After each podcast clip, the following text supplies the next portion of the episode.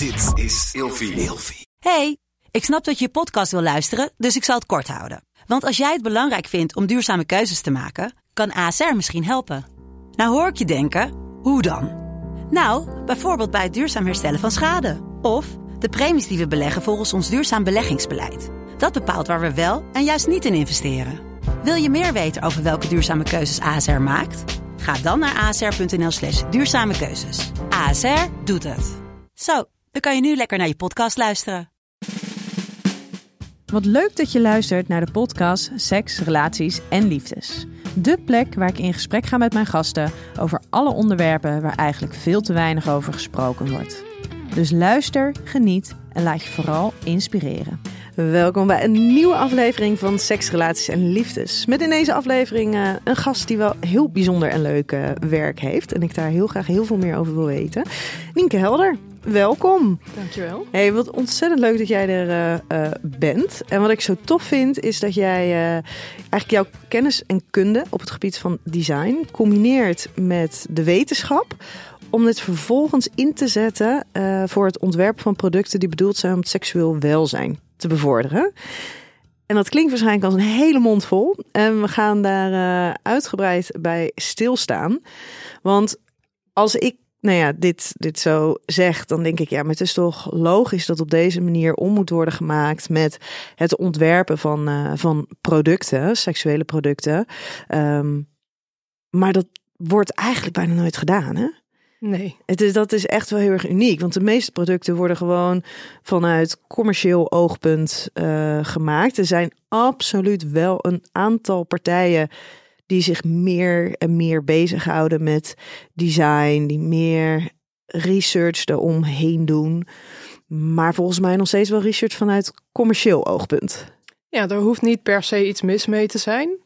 Um, maar ik denk dat er zowel nog heel veel kennis ontbreekt ook anatomische kennis. Um, dus dan is het moeilijk om, om je ontwerpen daarop te baseren. Um, en als traditioneel vooral mannen aan het roer staan bij zo'n ontwerpproces, dan um, wordt er eigenlijk heel erg oppervlakkig gekeken naar wat er nodig is. En uh, een vriendin van mij die uh, een vibrator op de markt heeft gebracht, die sprak een keer een grote fabrikant van een vibratormerk en die vroeg: hoe weten jullie nou of dat um, uh, jullie producten goed werken op de clitoris. En toen zei hij, ja, dan hou ik hem gewoon tegen het puntje van mijn neus aan.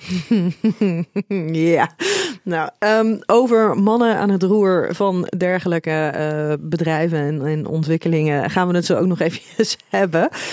Um, maar voor jou, zo'n ontwikkelingsproces, waar, waar moeten we allemaal aan denken? Waar ben jij mee bezig en hoe lang ben jij er ondertussen mee bezig? Want je hebt hier twee producten staan. Ja. Um, nou ja, één, dat is uh, de, de kiwi. Ja. En dat is, nou ja, je zou het, ja, degene die, die luisteren. Uh, maar dat is echt meer het idee van, van uh, stimulatie door vibratie. Ja. En andere product wat jij nu bij je hebt, uh, dat voelt heel lekker. Ja. En dat is meer inderdaad ter preventie van pijn. Pijn, ja. Um, het is een soort penisbuffer. Ja, eigenlijk Bumper, het lijkt een eigenlijk. beetje zoals de penisring, zoals vele mensen hem zullen kennen. Alleen de penisring is echt bedoeld ter bevordering of het in stand houden van de erectie bij de man. Ja. Terwijl dit is een penisbuffer. Ja, oh ja, een bumper eigenlijk. Ja. Uh, hij zorgt ervoor dat als je uh, pijn hebt, diepe pijn hebt bij penetratie, um, dat je minder diep kunt stoten. Ja, en dat kan dus de penetrerende partner kan minder diep gaan. En die doet die ringen dus uh, om de penis heen of om een speeltje. Uh, en daardoor kan er minder diep uh, gepenetreerd worden. Maar de binnenkant van die ringen, um, die houdt eigenlijk de lichaamstemperatuur vast. En het is geribbeld. Um, en je doet er glijmiddel in. Dus als het lichaamstemperatuur heeft en het heeft een geribbeld oppervlakte en het is vochtig, dan voelt het als ja, de vagina. Als heel fijn. Dus degene die hem dan moet dragen. Um, die heeft het gevoel alsof hij met de volledige penis in, in de, de, vagina, vagina penetreert. Um, en degene die gepenetreerd wordt, eh, die hoeft minder bang te zijn dat er te diep gestoten wordt wat pijn kan veroorzaken. Ja, want toen jij, um, toen ik dit product uh, tegenkwam, dus ik ben heel blij dat je hem mee uh, hebt. Toen dacht ik, ja, dit is natuurlijk super interessant, want dit is dus eigenlijk gericht voor, um, voor, voor degene die uh, penetratie ontvangt. Ja. En dat, zodat daar dus uh, gespeeld kan worden in diepte van penetratie die mogelijk is. En daarbij kan je bijvoorbeeld voorstellen dat op het moment dat jij een partner hebt wiens, uh, wiens erecte penis gewoon vrij groot is bijvoorbeeld, dat je hiermee een bumpertje in kan bouwen, dat hij niet volledig. En dat is een optie. Um, maar toen dacht ik wel, ja, maar dan moet diegene moet hem dus wel willen dragen. Ja. Maar daar hebben jullie dus ook weer rekening gehouden dat de, degene die hem draagt, um, dat het in ieder geval wel lekker is. Ja. ja, want anders dan los je maar een klein deel van het probleem op. Ik denk dat het wel belangrijk is om erbij te zeg, zeggen dat er zijn heel veel verschillende redenen waarom diepe penetratie pijn kan doen. Dus het uh, heeft niet vaak te maken met de grootte van de penis. Mm -hmm. maar het kan wel met heel veel andere dingen te maken ja, hebben. Ja, maar voor even, even een soort Ja. van een, een, een simpel visueel zichtbaar Ja. voorbeeld. Ja, maar dat, oh ja, maar dat is dus wel, want als je het hebt over hoe ziet zo'n ontwikkelingsproces eruit. Um, je, gaat dus, je gaat dus kijken, hé, hey, maar we hebben dus een probleem. Um, we willen het probleem uh, nou ja, dan wel oplossen, dan wel minder, minder aanwezig laten zijn, minder groot laten zijn. En dan heb je dus wel ook te maken met van oké, maar dan moeten we dus van iemand, van een ander iets vragen. En dan moeten we het ook voor diegene zo aangenaam mogelijk maken. Ja, ja en ik denk dat dat heel belangrijk is in een ontwerpproces. Dat je echt naar een hele brede context gaat kijken. Um, omdat je uh, in een oplossing afhankelijk bent van al die verschillende contextfactoren. Dus degene die uiteindelijk het probleem ervaart, uh, natuurlijk moet het voor diegene een oplossing zijn. Maar je hebt ook te maken met bijvoorbeeld een partner, zoals we net al noemden. Um, maar ook of dat bijvoorbeeld een uh, zorgverlener zich comfortabel voelt erbij. Um, of dat de verzekering zich er eventueel in kan vinden. Uh, of dat het vanuit de wetenschappelijke kant helemaal te onderbouwen is. En dat maakt het complex. Maar pas als je aandacht besteedt aan al die facetten, heb je een goede oplossing te pakken. Ja, maar dan heb je dus eigenlijk te maken met een super strategisch, niet sexy. Ja, het is, een, het is een behoorlijke puzzel waar je inderdaad heel strategisch over na moet denken. Ja, ja, want ik zag een aantal um, afbeeldingen van een paar projecten die jij, uh, die jij doet. En dan zie je dus inderdaad ook, je ziet allemaal spreadsheets, je ziet allemaal tekeningen, uh, kleuren, vormen, van alles zie je voorbij komen. Ja, er, is, uh, er gaat heel veel denkwerk aan vooraf. En um, ja, heel veel Excel-sheets en inderdaad, um, ja, behoorlijk wat discipline ook. Want. Uh, voor een best wel lange fase in het ontwikkelingstraject weet je nog helemaal niet wat de uitkomst gaat zijn. En moet je erop durven te vertrouwen dat alle puzzelstukjes op een gegeven moment bij elkaar gaan komen. Ja, want als je dan even kijkt, je hebt uh, bijvoorbeeld de, uh, de kiwi. Ja. Hoe lang ben je daarmee bezig geweest, van begin tot eind? Eigenlijk relatief kort. Ik denk dat het gemiddelde voor het ontwikkelen van een nieuw consumentenproduct tussen de drie en de vijf jaar is. Dus vind ik niet heel relatief kort hoor. Um, maar wij zijn met Kiwi uh, ongeveer 2,5 jaar bezig geweest. Ja, maar dat, ja, dan is inderdaad vergelijking met die drie tot vijf jaar is het korter. Ja. Maar het is wel echt wel een serieuze hoeveelheid tijd die je daaraan besteedt. Ja.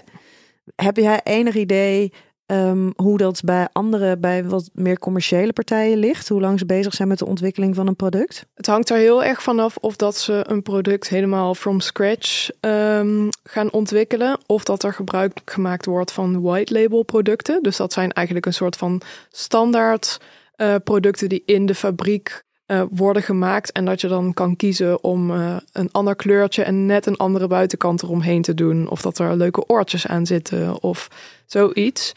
Um, en als je helemaal vanaf nul begint, dan um, zijn er dus ook nog best wel veel soort van iteratierondes waar je met de fabriek doorheen moet. Um, en dat is sowieso meer werk. Uh, dan moet er meer getest worden en er kan veel meer misgaan. Ja, ja. Jullie producten. Ehm, je bent ook bezig met hey, uh, wie, wat wordt er vergoed? Jullie, het zijn, ja, het zijn wetenschappelijke onderzoeken die je opzet. Worden jullie dan gesubsidieerd? Um, ik zelf als individuele ontwerper word wel gesubsidieerd door een aantal uh, culturele subsidies. En dat is dan vaak voor het onderzoekswerk wat ik doe of bijzondere samenwerkingen die ik aanga met onderzoekers. Um, het ontwikkelen van zo'n product, uh, dus een consumentenproduct, dat uh, moet meestal gefinancierd worden vanuit een commerciële partij, dus het bedrijf wat het product op de markt gaat brengen. Um, en degene die het onderzoek financiert, dat kan beter niet de commerciële partij zijn, want dan is het onderzoek eigenlijk niks waard. Ja, maar dat is ook wel, hè? want als je het hebt over dat echte wetenschappelijk onderzoek. Um, wetenschappers nemen eigenlijk geen genoegen met een uitkomst. En op het moment dat er een uitkomst is, daarmee gaan ze, gaan ze pas ervan uit dat dat um, kan kloppen. Op het moment dat ze er geen tegenbewijs ja. voor vinden. Ja, en dat is niet altijd even waterdicht. Nee. Uh, en ik denk dat het ook best wel uh, voor frictie zorgt in wat ik doe. Omdat ik ook, uh, ja, ik probeer eigenlijk innovaties te maken. Um, en met innoveren kom je best wel snel in een soort van dilemma. Um, want als je iets bedenkt en je gaat vervolgens testen of dat het werkt, um, dan kan je nog niet verder met ontwikkelen of je kan het nog niet op de markt brengen. Uh, en dat is vanuit de ondernemerskant eigenlijk onmogelijk. Want hoe financier je het dan? Ja, als het er niet is. Als het er niet is, of het duurt. Um, stel, je bent 2,5 jaar bezig met het ontwikkelen van een product. En vervolgens moet je nog 2,5 jaar wachten totdat het de hele. Uh, ja, het hele wetenschappelijke onderzoekspad door is. En dan heb je je bewijs. Dan ben je dus al vijf jaar verder. Uh, en dan moet je het nog op de markt gaan brengen. En dan moet je al die investeringen terugverdienen. Dat kan eigenlijk alleen maar als je een groot farmaceutisch bedrijf bent. En een enorme buffer dus Met een enorme buffer. Um, alleen hebben die vaak niet per se de beste intenties. Um, want die moeten er ook voor zorgen dat dat weer allemaal wordt terugverdiend. En daardoor hebben ze dus andere soort intenties dan kleinere bedrijven die daadwerkelijk een probleem proberen op te lossen. Um, en dat zorgt dus voor een dilemma, want hoe financier je het dan? Um, en omdat het een consumentenproduct is, um, baseren wij ons op bestaande onderzoeken. dus je hebt losse elementen waarvan wij denken we kunnen dit onderbouwen met bestaande onderzoeken. Uh, dit uh, soort vibratie is aantoonbaar nuttig daarvoor. Dit soort vibratie lijkt te werken hiervoor. Um, dit soort massage kan daaraan bijdragen. Um, en ook dat is niet 100% waterdicht. Um, maar dat is op dit moment de enige manier waarop wij die eerste stap kunnen zetten. En waarvan wij geloven dat we daar zorgvuldig genoeg mee zijn om mensen te kunnen helpen. En vervolgens gebeuren er eigenlijk een aantal verschillende dingen. Want mensen gaan het gebruiken en daar krijg je feedback van. Um, en je kunt dan wel de stap gaan zetten uh, naar onderzoek, omdat er ook behandelaars en onderzoekers zijn die zeggen: wij gaan dit onderzoeken. Want uh, wij geloven hier wel in. Ja, dus je hoeft dan eigenlijk niet het hele onderzoek zelf op te gaan zetten. Maar ja, dat, wordt... kan ook niet. Nee. Want dan is het, wordt het niet uh, geaccepteerd als een waardig onderzoek. Ja, precies. Als een echt wetenschappelijk onderzoek. Ja, nou, bijzonder. Ik vind dat echt. En als je er op die manier over na gaat denken, ook over de, uh, ja, eigenlijk wat daar dus allemaal aan vooraf gaat. Um, ja, ik vind dat echt wel heel. Uh, ik vind dat echt wel heel. Het is eigenlijk nog veel complexer dan we nu bespreken, ja. maar laten we het hier even bij houden. Heel goed. Hey, um, ik heb jou gevraagd om vijf woorden te bedenken die gaan voor jou over seks, relaties en liefdes. Welke zijn dat geworden? Uh, ja, de eerste is natuurlijk een beetje een inkopper, communicatie. Um, ik heb compassie opgeschreven, uh, vrijheid, identiteit en discipline. Discipline, want?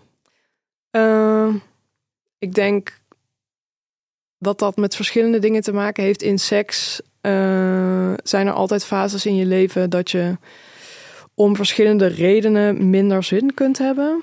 Uh, maar uh, ja, je, je moet soms gewoon even wat harder werken om die zin weer op te kunnen wekken. Uh, en als je vindt dat je relatie dat waard is, dan moet je daar soms wel wat discipline voor uh, opbrengen. En ik denk dat dat ook veel te maken heeft met je relatie met jezelf. Dus bijvoorbeeld, hoe zit je in je lijf? Daar heb je ook discipline voor nodig. Want als je je niet goed in je lijf voelt, uh, dan kan het heel erg helpen om gewoon een keer naar de sportschool te gaan. Of om beter voor jezelf te zorgen. En dat is moeilijk soms, ehm, maar wel belangrijk. Ja. Ik heb uh, vijf kutkeuzes voor jou. Nooit meer seks of nooit meer een relatie? Telt seks met jezelf ook mee? Mm, nee, dat mag wel. Dan nooit meer seks. Nooit meer zoenen of nooit meer knuffelen? Nooit meer zoenen. Strikte monogamie of een relatie met meer vrijheden? Mm, een relatie met meer vrijheden. Verleiden met woorden of verleiden met bewegen? Met woorden. Seks met speeltjes of zonder? Oef. Ik denk met. Hey, in hoeverre um, breng jij jouw eigen seksualiteit mee in je werk? Um, ik denk maar voor een klein deel. Uh, en ik denk dat dat ook heel belangrijk is. Uh, het heeft er wel ooit toe geleid dat ik in dit onderwerp terecht ben gekomen. Dus ik had vroeger zelf vaginisme. En ik was heel erg gefrustreerd met um, mijn eigen hersteltraject. Uh, wat voor behandelingen mij werden geboden en hoe behandelaars met mij omgingen. En toen was ik net begonnen aan mijn opleiding tot ontwerper. En toen heb ik mezelf voorgenomen, als ik hier ooit als ontwerper iets aan kan doen, dan ga ik dat doen. Want ik wil dat niemand uh, door hetzelfde proces heen hoeft te gaan als ik. Want dat is gewoon super kut. Met alle frustraties. Dus niet zozeer het hebben van vaginisme, maar juist hoe daar... Hoe daarmee om wordt ja. gegaan. En eigenlijk hoe weinig er gecommuniceerd wordt tussen de verschillende disciplines. En hoe soort van condescending er wordt gedaan over dat het wel tussen je oren zal zitten. Um, en uiteindelijk kwam ik dus tot de conclusie dat het inderdaad gedeeltelijk tussen mijn oren zat. Um, maar dat daar ook uh, dat dat niet betekent dat je gek bent. Nee. Um, en toen ik dat begreep, toen begreep ik eigenlijk dat seks niet iets lichamelijks of iets psychisch is, maar dat het niet zonder elkaar kan bestaan. En dat vond ik als ontwerper uh, eindeloos interessant. Want dat maakt het een best ingewikkelde puzzel om een probleem op te lossen. En dan hebben we natuurlijk ook nog uh, het hele maatschappelijke facet. Um, want er zit natuurlijk ook superveel schaamte rondom seksualiteit en um, verwachtingen. Ja. Dus uh, ja, um, ik denk dat het als ontwerper belangrijk is dat je werkt aan een onderwerp waar je heel veel intrinsieke motivatie voor voelt. Um, maar waarbij je je eigen behoeftes kunt loskoppelen van de doelgroep waar je voor probeert te ontwerpen. Want jouw eigen ervaring is niet representatief. Nee, en tegelijkertijd de frustratie die jij hebt ervaren, um, is natuurlijk wel voor heel veel mensen heel herkenbaar. Ja, maar ik denk dat het er ook. Ik, ik interview heel veel mensen in mijn ontwerpprocessen. En als ik uh, een ontwerp ergens presenteer, op een expositie bijvoorbeeld, dan komen er ook vaak mensen naar me toe om hun eigen verhaal te delen. Of ik krijg op social media berichten van mensen. En uh, ik denk dat ik best empathisch ben. Um, dus op een gegeven moment uh, ga je al die verhalen ook heel erg voelen zelf. En gaat je eigen verhaal ook wel een beetje naar de achtergrond. Tenminste, zo voel ik dat. En ik kan inmiddels heel goed die drive of frustratie uit al die verhalen, uit al die verhalen halen. In plaats van alleen maar uh, mijn eigen verhaal. Ja, maar misschien maakt het dat ook wel werkbaarder. Want het is niet meer alleen jouw verhaal. Je hebt inmiddels heel veel verhalen gehoord. Ja. Dus jij bent niet meer zeg maar het middelpunt van dat verhaal. Ja, maar het is best wel een valkuil voor ontwerpers die dus een richting kiezen ehm, waar ze zelf veel motivatie voor voelen. Dat je niet je eigen probleem probeert op te lossen. En daarom heb ik er ook wel een tijd mee gewacht voordat ik echt met dit onderwerp aan de slag kon. Want ik wilde zeker weten dat ik het zelf had verwerkt.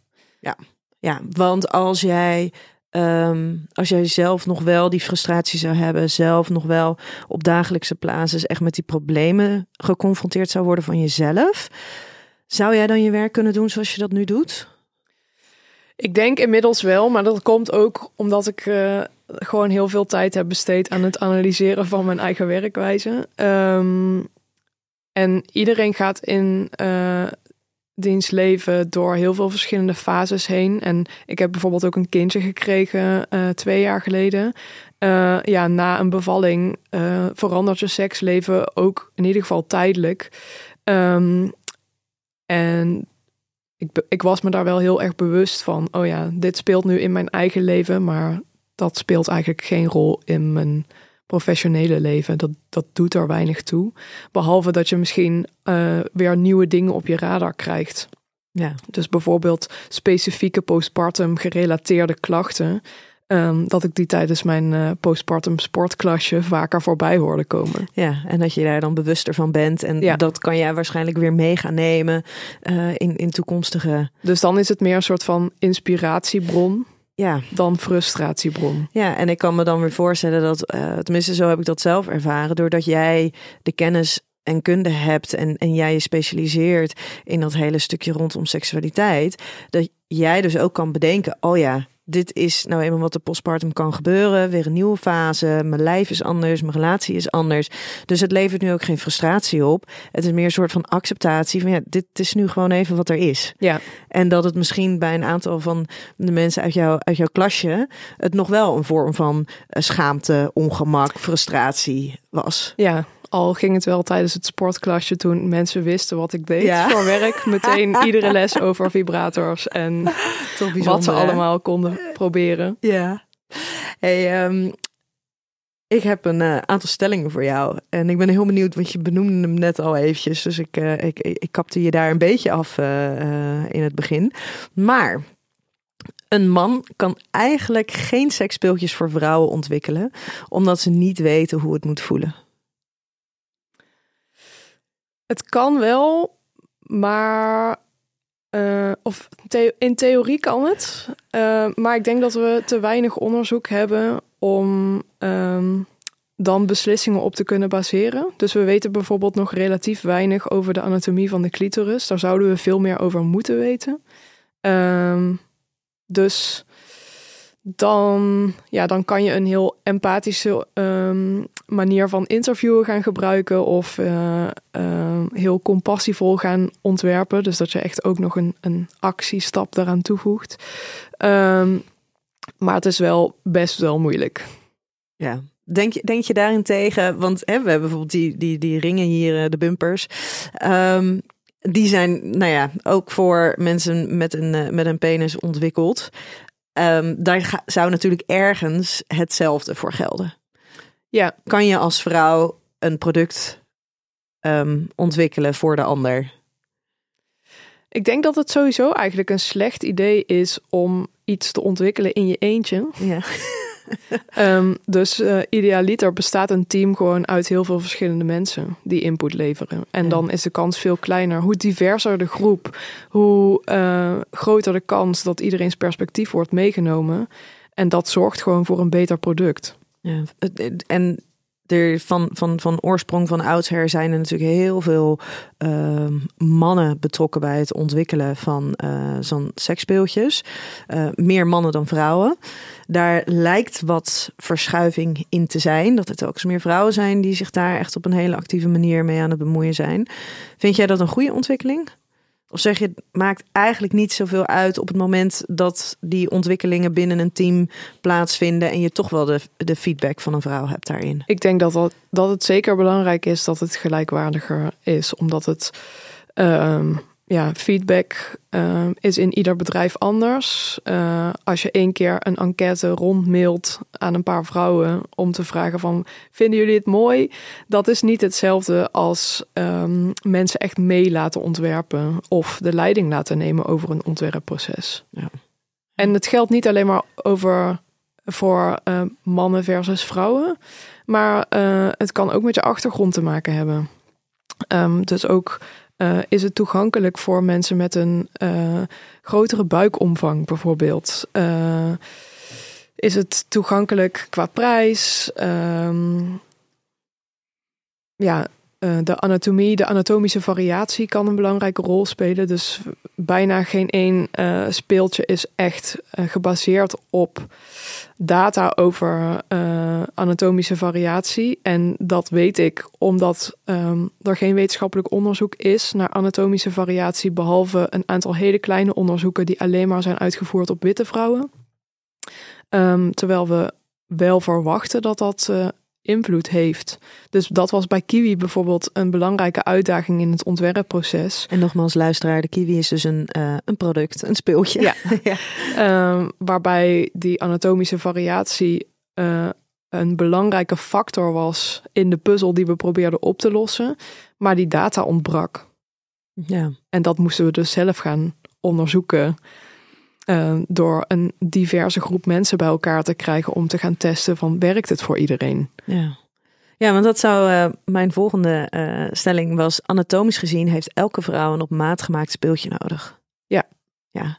Want dat vond ik zo, zo interessant toen we elkaar vorige keer spraken. Dat jij inderdaad aangaf dat jullie bezig zijn met onderzoek of er loopt een onderzoek naar, um, naar de anatomie van, van de vulva, van de clitoris. En om op basis daarvan te gaan kijken van hey, wat betekent dit dan voor het ontwerp van seksspeeltjes?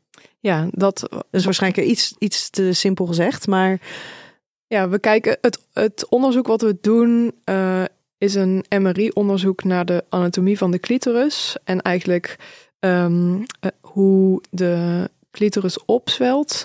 Uh, en dat onderzoeken we pre- en postmenopausaal.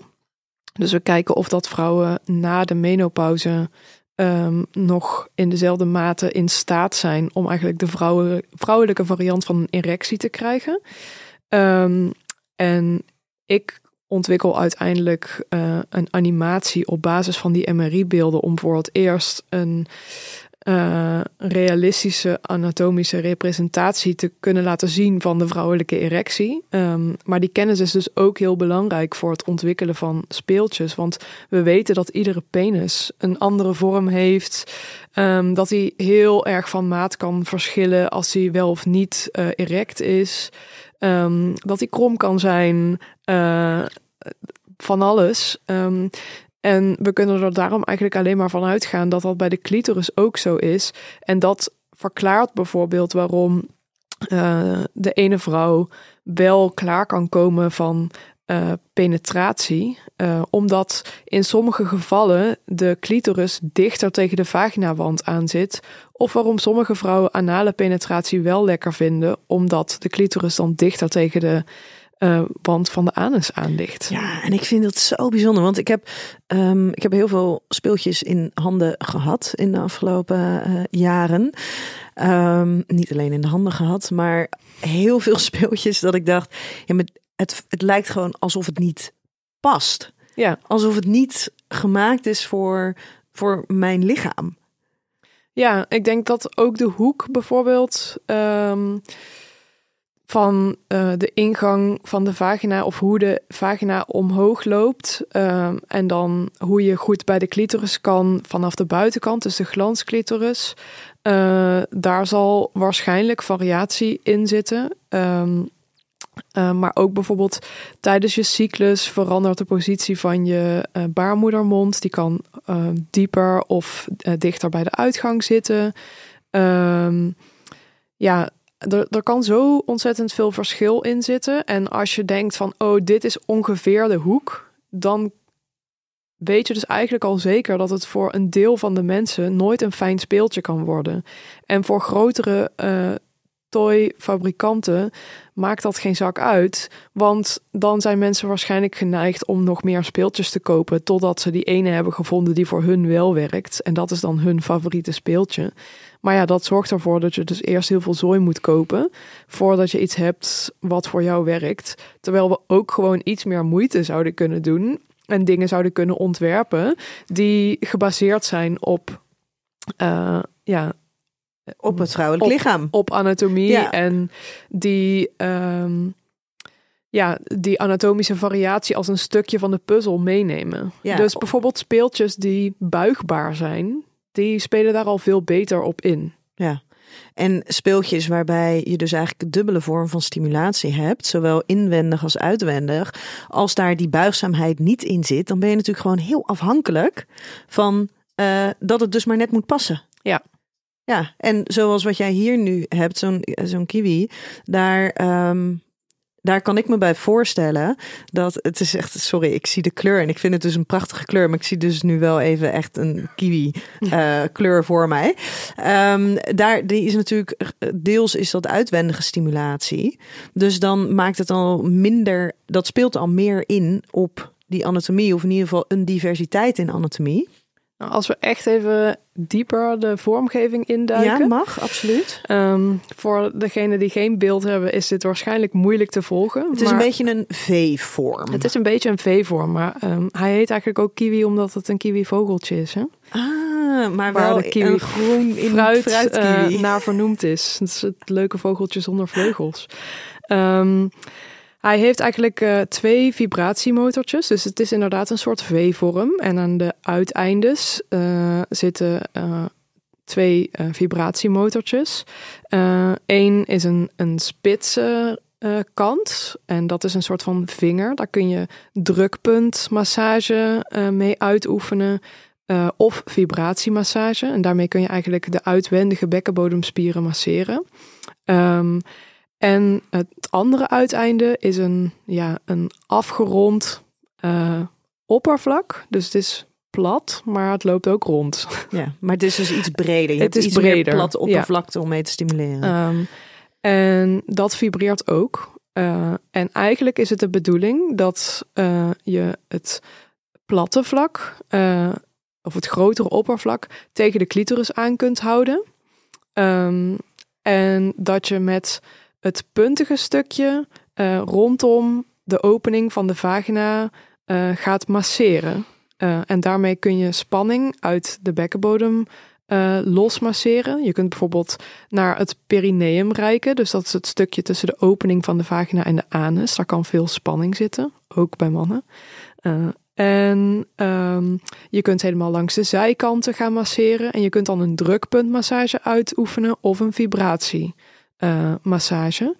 Ehm, en tegelijkertijd kun je dat bovenste eh, vlakkere stukje tegen de clitoris eh, aan blijven houden. Zodat je tijdens die massage dus ook ehm, plezier eh, vibratie eh, krijgt.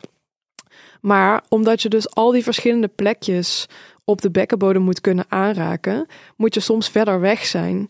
En de afstand tussen deze twee uiteindes, tussen die punten van de V, ehm, die verandert niet. Maar omdat dat platte vlak eh, afbuigt, kun je de clitoris helemaal tegen het puntje aanhouden. En dan is de afstand naar het drukpunt ver weg. Bijvoorbeeld als je helemaal naar het perineum moet. En als je dichterbij moet zijn, dan hou je de clitoris hier tegenaan. En zo kun je dus altijd die verschillende afstanden overbruggen. Maar overbrug je ook altijd het probleem van anatomische variatie, omdat het dus voor iedereen past. Ja.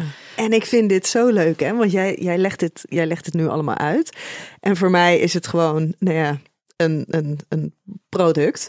Terwijl als je dit dus uitlegt, dan denk ik, oh joh, Ja, dat is superleuk. Dat is Ja. super interessant. en je kunt dus ook eh, ondiep inwendig eh, masseren. Eh, en dan afhankelijk van de afstand tussen de opening van de vagina en eh, de clitoris, dan past het dus ook altijd. En die hoek, dat was dus echt een puzzel.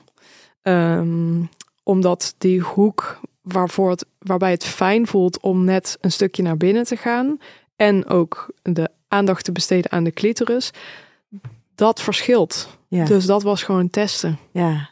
En dit, dit slaat wel een beetje op, ehm, of sluit, sluit aan bij eh, de volgende stelling.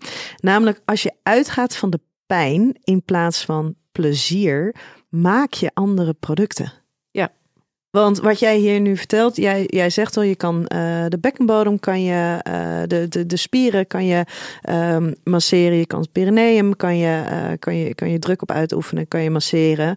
Want inderdaad, jij jij, in jouw werk ga je er dus van uit dat de producten die jij ontwerpt bijdragen aan het, nou ja, het, het bevorderen van fijne seksuele ervaringen. Ja. Maar niet zozeer gericht op ik wil dat je meer opwinding ervaart. Maar meer gericht op ik wil in ieder geval dat daar minder of geen pijn is. Ja. Um, als je pijn heeft altijd een oorzaak. Uh, en dus is het oplossen van pijn alleen maar te doen als je gaat kijken naar wat de potentiële onderliggende oorzaken zouden kunnen zijn. Um, en het doel is dus uh, niet per se alleen maar het oplossen van pijn, maar het creëren van een positieve associatie uh, met seks. Ja. Uh, en wat mij betreft is het heel belangrijk om te beseffen dat daar geen penetratie aan te pas hoeft te komen. Um, het is prima als dat je doel is, als je dat graag wil bereiken. Want ik vond het zelf vroeger heel frustrerend als tegen mij werd gezegd van ja, misschien is penetratie gewoon niet voor jou. Uh, en dan dacht ik van ja, maar iedereen heeft het altijd over neuken en ik wil dat ook kunnen. Waarom zou dat voor mij geen optie mogen zijn? Dus ik begrijp heel goed als mensen dat daar graag naartoe willen werken. Um, maar dat er ik denk, meer is dan alleen penetratie. Ik denk dat het in een, in een behandeling of in het, in het proces van, van die pijn afkomen heel erg belangrijk is dat je de uh, focus even weghaalt van penetratie. Want voor heel veel vrouwen is penetratie in eerste instantie helemaal niet prettig, pas als ze voldoende opwinding ervaren. En je kunt pas voldoende opwinding ervaren als je uh, een positieve associatie daarmee hebt. Ja. Maar ik vind het wel heel mooi, want um, heel eerlijk, als ik dit speeltje zou, uh, zou, zou, zou ontvangen, dan zou ik inderdaad gewoon heel simpel gaan voor, nou, wat, wat doet het? Uh, stimulatie en that's it. Terwijl als jij dus die tekst een uitleg geeft, kan het dus zoveel meer. Ja, en dat is ook een uitdaging, hè? want je kunt een hele goede oplossing voor een heel complex probleem ontwerpen.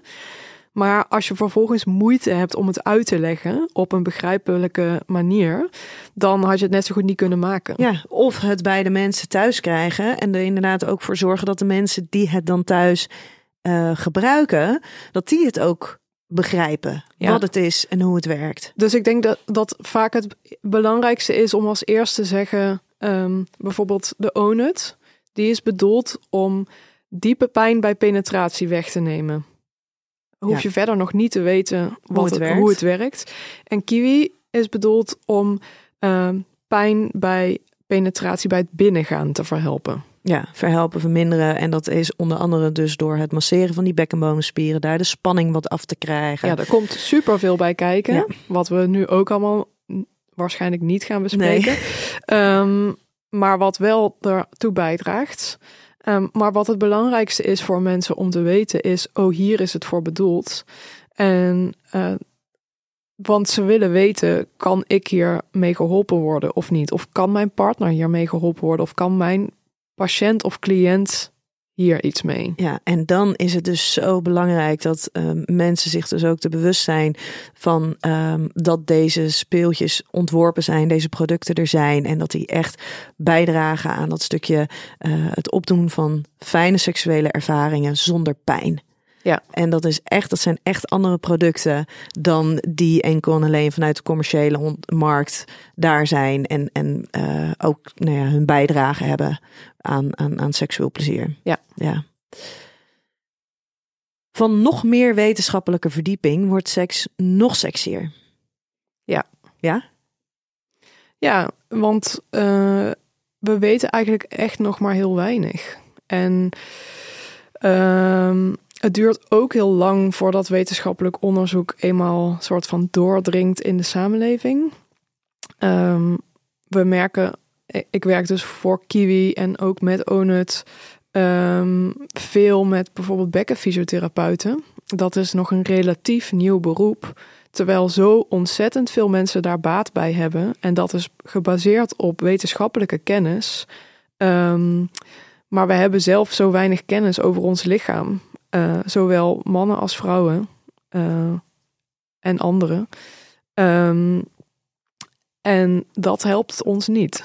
Nee, en dan Want is eh, als voorbeeld bijvoorbeeld, zoveel mannen denken als ze 's ochtends wakker worden ehm, en ze zien dat ze een ochtenderectie hebben, dat ze geil zijn. Maar dat is niet waar. Nee, absoluut niet. Dan worden ze gewoon wakker in een bepaalde fase van hun slaap. Ja. En hebben ze een erectie. En vrouwen gaan door precies diezelfde eh, cyclus. En er zijn nog zoveel eh, stigma's in onze maatschappij die gewoon gebaseerd zijn op te weinig kennis of gedateerde kennis. En hoe meer er eh, onderzocht wordt, Ja. hoe beter het ons lukt om daar vanaf te komen. Ja, en ik zeg daar wat bij van hoe meer je over seks weet, hoe leuker het Ja. wordt. Ehm, terwijl je zou zeggen, ja, maar wetenschap, wetenschap, is dat nou heel erg sexy? Maar voor seks geldt wel echt, hoe meer je daarover weet en hoe beter je dat ook kan integreren, implementeren, ehm, hoe fijner het voor jezelf kan maken. Ja. En dan komt er ook het stuk ehm, van, van loslaten van alles en het gewoon maar ervaren. Maar volgens mij kan je dat dan het meeste ehm, opwinding ervaren, vrijheid ervaren. Als dat dus gebaseerd is, dat loslaten op zo'n basis van al die dingen die je weet. Ja, ehm, ik denk dat die kennis ook gewoon heel erg kan bijdragen aan het hoe je erover communiceert met een partner. Eh, als jij weet hoe jouw anatomie in elkaar zit, dan kun je ook veel beter uitleggen van als je het hier aanraakt, dan is het fijn. Of als we zo, eh, als we deze houding aannemen, dan raak je precies dat stukje. eh, wat het voor mij super fijn maakt. Of als je weet hoe opwinding werkt, dan weet je wanneer je klaar bent voor penetratie. Zodat penetratie altijd fijn is als je het hebt. En niet dat je soms denkt, nou, eh, ben je er al bijna? Want van mij mag je wel stoppen. Ehm, en die negatieve ervaringen, die hebben een veel groter effect dan de meeste mensen beseffen. Ehm, en je- ziet dus bijvoorbeeld ook, eh, er zijn eigenlijk maar heel weinig mensen die ehm, geen seks hebben omdat ze niet meer eh, opgewonden worden. Dus dat ze bijvoorbeeld dat er hormonaal is er soms iets aan, aan de hand, maar dat komt eigenlijk maar heel weinig voor. En de meeste mensen hebben eigenlijk gewoon heel veel redenen om geen seks te willen. Eh, want het was gewoon de afgelopen tien keer, was het negen keer helemaal kut. Ja. En dat is wel een heel groot verschil tussen denken dat je een laag libido hebt. En dat het gewoon eigenlijk niet belonend, niet lekker genoeg Ja. is. Ja. Hey, en dan heb ik de laatste vraag van jou. Of stelling voor jou, sorry. Ontspanning is nodig voor opwinding. Eh, ontspanning zorgt ervoor dat er meer bloed naar de spieren kan eh, stromen. Ehm, en dat bloed is nodig voor eh, een erectie. Ehm, en als je een erectie hebt, dan komen de zenuwuiteinden dichter aan de oppervlakte te liggen, waardoor aanraking fijn wordt. En tegelijkertijd zorgt die ehm, verhoogde doorbloeding ook dat je nat wordt of dat bijvoorbeeld de penis voorvocht eh, aanmaakt. En dat zorgt ervoor dat de frictie, zeg maar, tussen de penis en de vagina, of, of de vagina en een speeltje, dat dat eh, soepeler wordt, waardoor die stimulatie van die zenuwuiteinden eh lekker gaat voelen. En dat zorgt uiteindelijk voor een orgasme. Ja. En daar, ik zeg altijd van, eigenlijk zijn er maar twee dingen die je nodig hebt voor fijne seksuele ervaringen. En dat zijn ontspanning en opwinding. En die ontspanning is best wel paradoxaal voor sommige mensen. Want bijvoorbeeld als je als man moeite hebt met een erectie krijgen, dan eh, is harder proberen het slechtste wat je kan doen. Want je moet gewoon ontspannen. Want als je niet ontspant, dan gaan die spieren samentrekken, waardoor Ja. het bloed er niet meer naartoe kan stromen. En als je pijn hebt tijdens penetratie ehm, in, een, in een vagina, ehm, dan gaat je bekkenbodem verkrampen. En dan kunnen er uh, spierknopen ontstaan. En dat is gewoon een verzuring van een spier. Net als als je uh, met sporten iets verkeerd hebt gedaan, dan kan je echt een, een knoop ergens hebben. En die moet er eerst uitgemasseerd worden um, om dat weer goed te kunnen laten doorbloeien. Ja, en daar heb je dus onder andere bijvoorbeeld de kiwi voor. Ja. Maar dat is inderdaad, hè, zeker uh, bij mannen is het natuurlijk ook heel visueel. Want op het moment dat zij um, minder opwinding ervaren of ze ons hebben, hebben, hebben spanning in die bekkenbodem, is natuurlijk heel zichtbaar als ze geen erectie krijgen of ze kunnen hem niet aanhouden. Bij vrouwen is dat in ieder geval minder zichtbaar op het eerste oog. Um, maar vaak levert het juist alleen maar meer spierspanningen op in die bekkenbodem. En hoe meer spanning daar is, hoe minder, eigenlijk hoe minder controle. Terwijl ze proberen juist met mannen macht controle uh, ja. uit te oefenen. Ja, een te gespannen uh, bekkenbodem is ook wel wat we zeggen een slappe bekkenbodem. Want um, je ziet ook dat als je echt een hele hoge spanning in je bekkenbodem hebt, dan krijg je bijvoorbeeld ook eerder uh, continentieproblemen. Dus dat je uh, moeite hebt met plassen, plas ophouden of moeite met poepen. Um, en dat kan je het beste zien als als je op een trampoline springt, dan uh, veert alles mooi mee. Vangt het een klap op. En een gezonde bekkenbodem die niet gespannen is, die vangt dus die klappen op. Die kan impact aan. Die kan uh, aanspannen waardoor. En die kan aanspannen en die kan ontspannen op de juiste momenten. Maar als jij op een tafel springt, dan vangen je benen de klap op. En dat is een stuk minder prettig. Een bekkenbodem die te gespannen is, die is altijd samengeknepen. En als daar een klap op komt, dan kan dat dus niet meer uh, die impacts uh, opvangen en daardoor doet het pijn. Ja, precies. Ja, en voor degene die dus uh, daar problemen mee hebben, of als jij als behandelaar te maken hebt met iemand die seksuele klachten heeft, heb het dus ook altijd over plasgedrag, poepgedrag. Hoe ja. zit dat? Lage onderrugklachten. Dat zijn allemaal dingen die daar nou ook mee in Ja, mensen die bijvoorbeeld vaak spanning in hun buik hebben. Ja. Omdat ze altijd hun buik ingetrokken houden. Of gewoon van, van zichzelf veel spanning in hun lichaam vasthouden. Um, het allerslechtste wat je kan doen is zelf uh, uh, kegel, uh, oh, kegel oefen, oefeningen, oefeningen ja. doen. daarmee maak je het hoogstwaarschijnlijk alleen maar erger. Dus ga dan echt naar een behandelaar, zoals ja. een bekkenfysiotherapeut. Um, want zelf daarmee aan de slag gaan is echt heel erg af te raden. Absoluut. Absoluut. Meestal maak je het probleem dan nog veel erger. Ja.